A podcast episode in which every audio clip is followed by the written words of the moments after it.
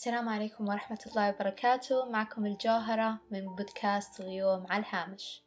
أول شي حابة أعتذر عن القطع اللي صارت بالبودكاست بس أول ما لقيت نفسيتي كويسة ولقيت نفسي فاضية وهدوء المكان مسكت اللابتوب على طول وقلت يلا الجوهرة جاء وقت إنك تسجلين الحلقة.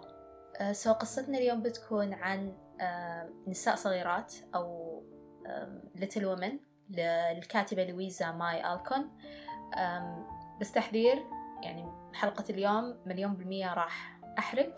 ف disclaimer إن إذا ما قرأتوا الكتاب أو ما تابعتوا القصة بشكل عام ل Little Women وحابين إنكم تتابعون فوقفوا الحلقة روحوا شوفوا بعدين ارجعوا مرة ثانية. واصلا ما لكم عذر إن بصراحة ما تعرفون قصة نساء صغيرات. يعني إذا كنتم تحبون تقرون الكتب في طبعا الكتاب الكلاسيك نساء صغيرات أو Little Women وهو الأساس. أو عندكم إذا تحبون الأفلام في فيلم Little Women 2019 صراحة حتى لو قرأت قرأت الكتاب مرة مرة أنصحكم بالفيلم. الفيلم كان تحفة فنية صراحة. و I think إنه كان مرشح للأوسكار ماني عارفة إذا فاز أو لا. لكن الفيلم صراحة كان مرة توب. ما تحبون الأفلام تحبون المسلسلات في برضو أكثر من نسخة مسلسل I think في مسلسل بالتسعينات ومسلسل بث... ما متأكدة بس أتذكر إن في مسلسلات وأفلام له مرة كثيرة مقتبسة مقتبسة منه وكلها أمريكية. وبرضو إذا كنتوا تحبون الأنمي برضو في أنمي اسمه Little Women مقتبس من الرواية.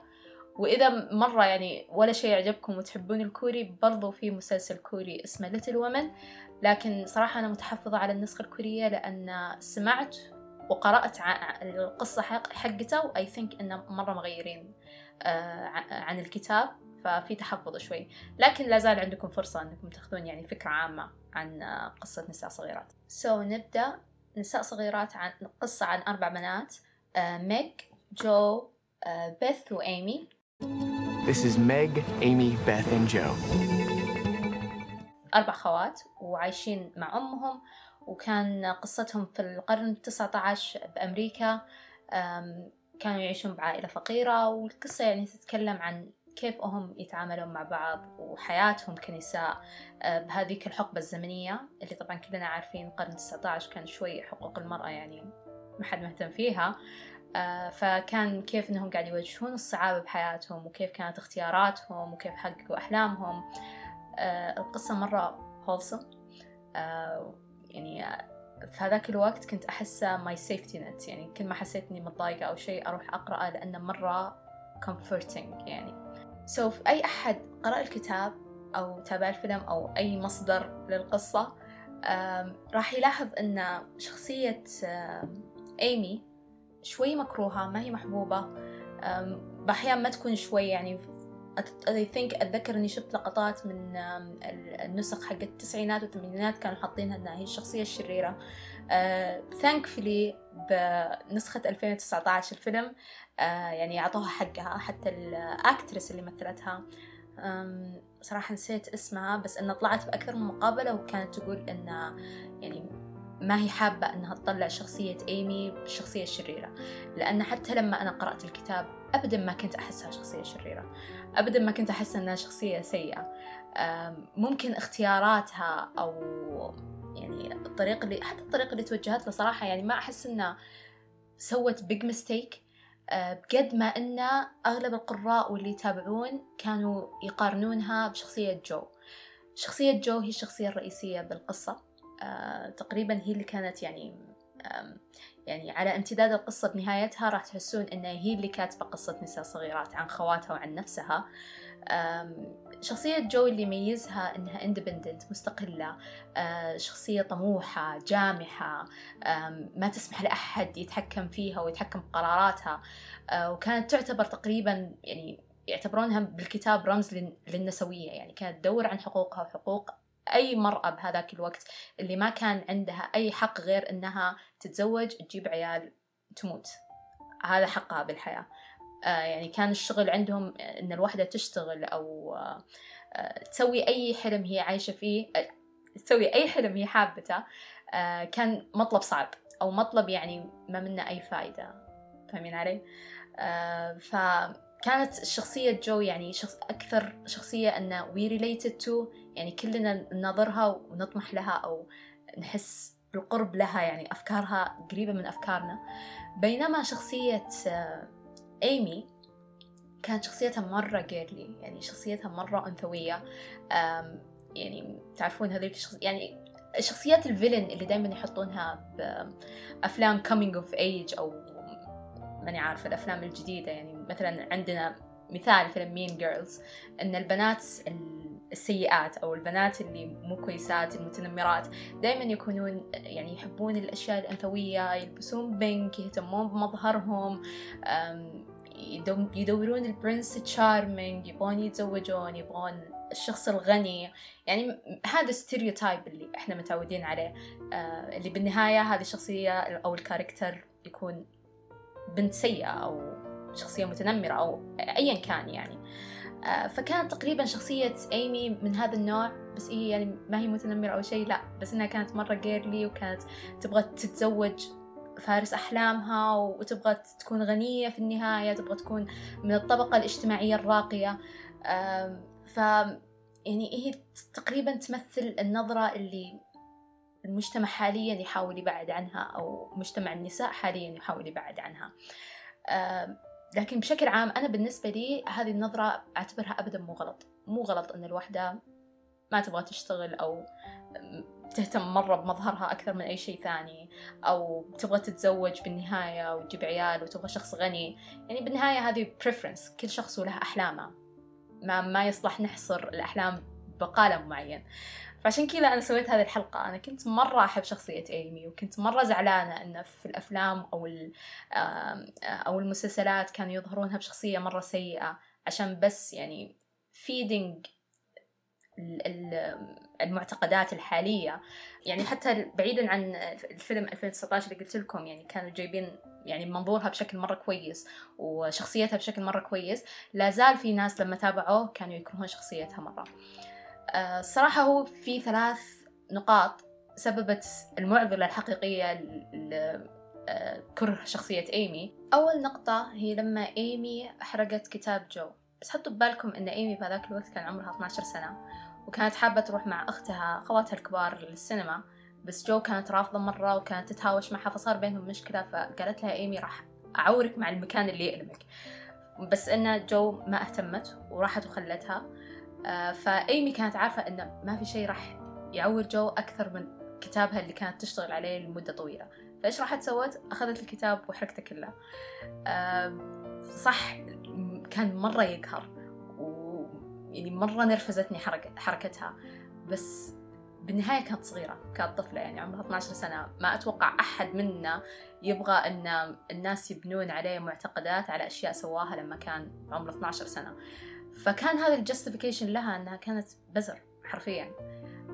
ثاني نقطة اللي هي آه، سفرة باريس. aunt مارش أو عمتهم مارش. I think اسمها كذا. صراحة نسيت من زمان مرة شايفتها كانت تبغى تاخذ واحدة من بنات أخوها اللي هم الأربعة البنات اللي قلت لكم.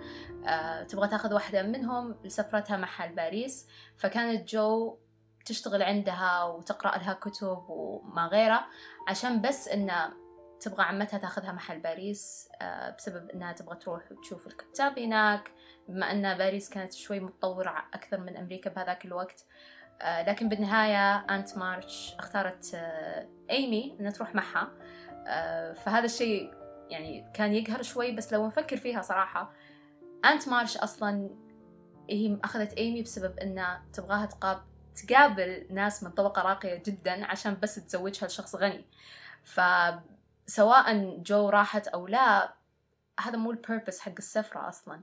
يعني لو جو راحت صراحة خلنا نكون صريحين جو ما راح تستمتع أبدا بالسفرة. لأن كلها طبقات راقية وفساتين وحفلات وما غيره. فأنا بالنسبة لي كنت مرة فرحانة إن إيمي اللي بتروح لأنها كانت أكثر مناسبة شخصيتها كان أكثر مناسب لهدفها اللي هي جالسة تطمح له. ثالث شيء وأكثر نقطة كانت قاهرة الكل اللي هي آه، إن إيمي بالنهاية تزوجت من لوري. اللي ما يعرف لوري هو كان صديق طفولتهم من يوم ما كان صغار بالذات لجو. كان مرة قريب منها ومرة مع بعض يعني كانوا ال it couple يعني الكل كان يق... أنا أقرأ الرواية و... أو أتابع الفيلم وأنا بس أنتظر اللحظة اللي جو ولوري بيكونوا مع بعض. لكن للأسف بالنهاية لوري تقدم لجو لكن جو رفضته بسبب زي ما قلت إنها هي أصلا ما هي عاجبتها فكرة الزواج ما هي حابة تستقر. ف بالنهاية لوري موفد أون راح سافر لباريس المكان اللي كانت فيه. إيمي جلس معها فترة تواصلوا مع بعض. صراحة أنا من الناس اللي مرة يدعموا يدعموا فكرة إيمي ولوري مع بعض. ممكن كثير ما يتفقون معي وإنه لا يعني لأن كان ال chemistry بين لوري وجو كان مرة حلو أنا أعترف مرة كان جميل وكنت أستمتع بلحظاتهم مع بعض. لكن بالنهاية أنا أشوف صراحة إن لوري يستحق واحدة زي إيمي لوري كان مرة طفولي لما كان مع جو الصراحة يعني ماني عارفة حسيت إنه when you will grow up مجرد ما إنه جاء مع إيمي وكيف إنه هي أصلا كانت معجبة فيه من يوم ما كانت صغيرة بس كانت ساكتة طبعا عشان جو يعني, يعني علاقته مع جو. آه فلما اعترف لها وقال إنه أنا أبغى أتزوجك أو غيره يعني ما قالت على طول إنه okay أنا كنت أحبك من يوم ما كنت صغيرة وما أدري إيش. قالت أول شيء إن أنا ما راح أكون الشخص الثاني اللي تستقر معه عشان جو بس رفضتك. ثاني شيء أنت لا أنت مستقر عاطفيا ولا أنت مستقر ماديا لأن زي ما قلت لكم هو كان لعاب ما كان عنده شغلة يعني رايح باريس بس يتمشى عشان ينسى جو وغيره.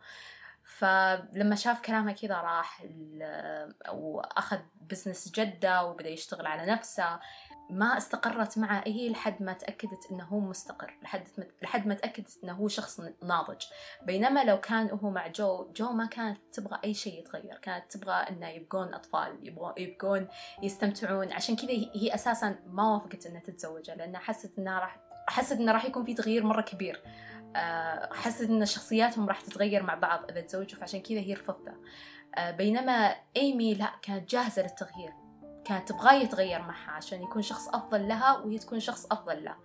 آه ف يعني لولا إيمي كان أتوقع لوري ضاع بحياته. أكثر شيء صراحة كان inspiring inspiring بإيمي إنها كانت حاطة هدفها وتركيزها كله إن أنا أبغى أكون إنسانة سعيدة. يعني لو زي ما قلت لكم قبل أن بقرن التسعة عشر كان عشان تستقر المرأة وعشان يكون عندها دخل مادي وتعيش مرتاحة إنها تتزوج شخص غني. فهي من يوم ما كانت صغيرة كان تفكيرها هذا إن أنا أبغى أعيش حياة أفضل من اللي أنا عايشتها. ما أبغى أكون فقيرة أبغى أشتري اللي أبيه أبغى أسوي اللي أبيه الحل إني أتزوج شخص غني. فهذا اللي سويته. ومرة كذا ساتيسفاينج وأنا قاعدة أشوفها بنهاية القصة حققت الحلم اللي تبيه. آه من منظور ثاني هي برضو أو من نظرة ثانية هي برضو كانت تحب الرسم كانت رسامة مرة كويسة. فكان برضو مو من هدفها إنها لما تروح باريس مو بس إنها تلقى لها زوج أو شخص غني برضو كان إنها تبغى تطور من مهنة الرسم عندها. لكن أول ما شافت إن مهنة الرسم مو قاعد تأكلها عيش عيش مهنة الرسم مو قاعد تاكلها عيش. وشافت انه كثير أفضل منها ومستحيل تكون الأولى. على طول she dropped out وقالت خلاص ما راح أضيع وقتي. على شيء أنا ما راح أستفيد منه على شيء ما راح يسعدني بالنهاية. راح أخليها شيء جانبي ما راح أخليها مهنتي. بركز على الشيء الأساسي اللي راح يعطيني سعادتي وراح يريح أهلي.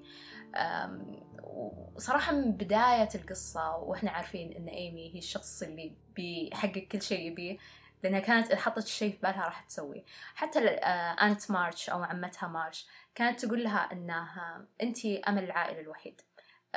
جو طبعا كانت مشغولة بأحلامها وكتبها وغيرها. ما كانت حابة أنها تكون من الطبقة الراقية بأي شكل من الأشكال ما كانت تهتم بالفلوس. أختها ميج خلاص قررت أنها من البداية أنها تترك حياة الأغنياء وتزوجت من شخص فقير. وأختها بيث كانت يعني تتعب ويعني صحتها النفسية ما كانت كويسة. فكانت هي الوحيدة اللي تقدر أنها تعطي مصدر دخل ثابت لأهلها وتعيش تعيشهم حياة مستقرة. آه، فكانت هي حاطة هذا الشيء ببالها برضو إيمي يعني ما كانت تقول بس إن أبغى راحتي لا كانت تقول إن أنا أبغى أريح أهلي برضو هم عايشين فقراء أنا ما أبغى أعيشهم بهذا بهذا الشيء لمدة طويلة حتى لو كان هذا الشيء عارض أحلامي اللي هي مثلا الرسم I've always known I would marry Rich. Why should I be ashamed of that? There's nothing to be ashamed of. As long as you love him. Well, I believe we have some power over who we love. It isn't something that just happens to a person. I think the poets might disagree. Well, I'm not a poet. I'm just a woman. And as a woman, there's no way for me to make my own money. Not enough to earn a living or to support my family. And if I had my own money, which I don't, that money would belong to my husband the moment we got married. And if we had children, they would be his, not mine. They would be his property. So don't sit there and tell me that marriage isn't an economic proposition because it is.